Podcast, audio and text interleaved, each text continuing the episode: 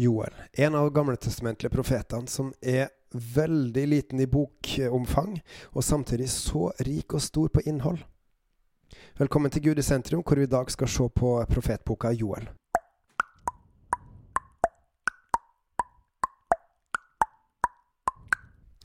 Bibelen er en samling av 66 bøker.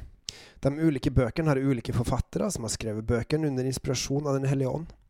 Og bøkene har ulike tema og litterære sjangre, men felles for alle bøkene er at de beskriver Guds plan om frelse for menneskeheten, som bibelsiden.no sier. Videre sier bibelsiden at Joel var en profet, altså en som ga folket beskjeder fra Gud, som levde under Israels storhetstid mens kongene David og Salmo styrte. Og etter Salmos død så ble riket delt i Juda og Israel, som begge gjorde ondt. Og Joel ble da sendt til Juda, den sørrike altså, for å si at Gud var mett på all ondskapen og befalte slutt på det, ellers ville han la fiendeherra innta landet. Når israelsfolket gjorde rett, så velsigna Gud de. Men når de brøt Guds lov, så lot Gud dem få oppleve vansker for å minne dem om at bare Gud var Gud i Israel. Og Guds hensikt var å drive folket nærmere seg sjøl, og drive dem til å gjøre godt. Og Gud lova at hvis folket slutta med ondskapen, så ville han velsigne dem med rikdom, lykke og overflod. I dagens episode skal vi snakke litt om det negative, først og fremst på det som skjedde mens de levde.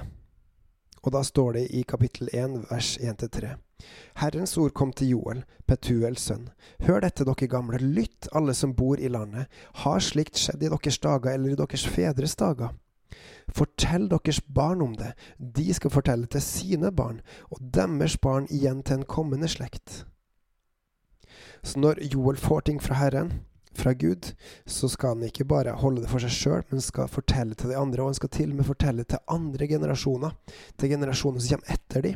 Hvorfor? Jo, fordi Gud ønsker at alle sammen skal vende seg om til Han og følge Han. Vers 5. Våkne opp, dere drukne, og gråt, jamre dere, alle vindrikkere, fordi mosten rever bort fra munnen deres.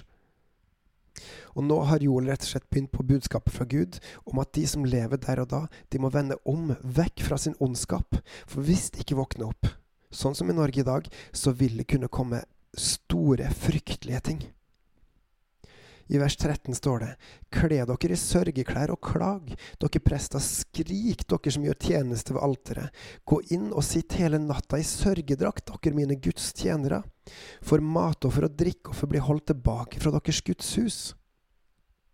På grunn av den store utroskapen, urettferdigheten, som var i landet på den tida, Sørriket i, i gamle Israel, så sa Gud at her trenger folk å vende seg om. De må våkne opp og vende seg om, og da må de som er prester, de som tjenestegjør Gud, de må starte med å vende seg om. Og gå ned på kne og tilbe Gud, og be Han om å tilgi oss. Og ved å gå foran, så kan de vise vei både for at Gud skal tilgi, og for at folket skal omvende seg. Tydeligvis en hellig faste utroper en høytidssamling. Samle de eldste av alle som bor i landet, til Herrens deres Guds hus, og rop til Herren.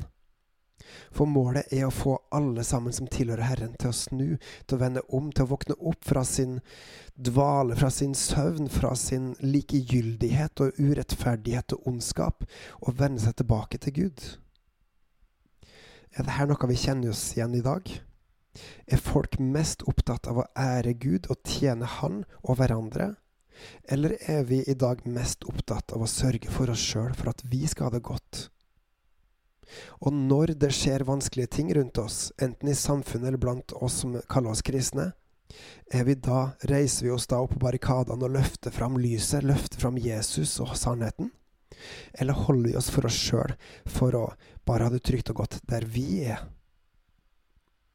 Jeg tror vi trenger å våkne i dag at vi trenger å våkne opp fra alt det vi har satt oss fast i, både av denne verden og som også har trengt seg inn i Guds rike, det vil si det blant de som tilhører Gud her på jorda, og som kaller seg kristne.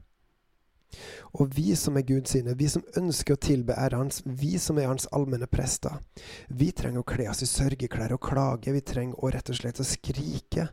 Vi trenger å gå inn å sitte hele natta framfor Gud og bare i sørgedrakt og bare be Han om å tilgi oss og si nåde til oss for Hans hellige navns skyld.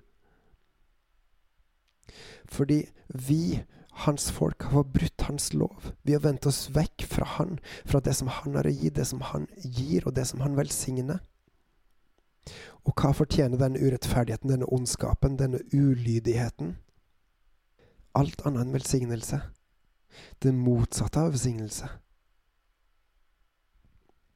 I vers 19-20 står det til deg, Herre, roper jeg, for ild har fortært beitene i ødemarken, flamma har forbrent alle markens trær. Og også markens ville dyr stønner opp til deg, for bekkene er uttørka, og ild har fortært beitene i ødemarka. Det vi ser i samfunnet vårt nå, oppblomstring av diverse negative ting, det er som en følge av at vi har vendt Gud ryggen.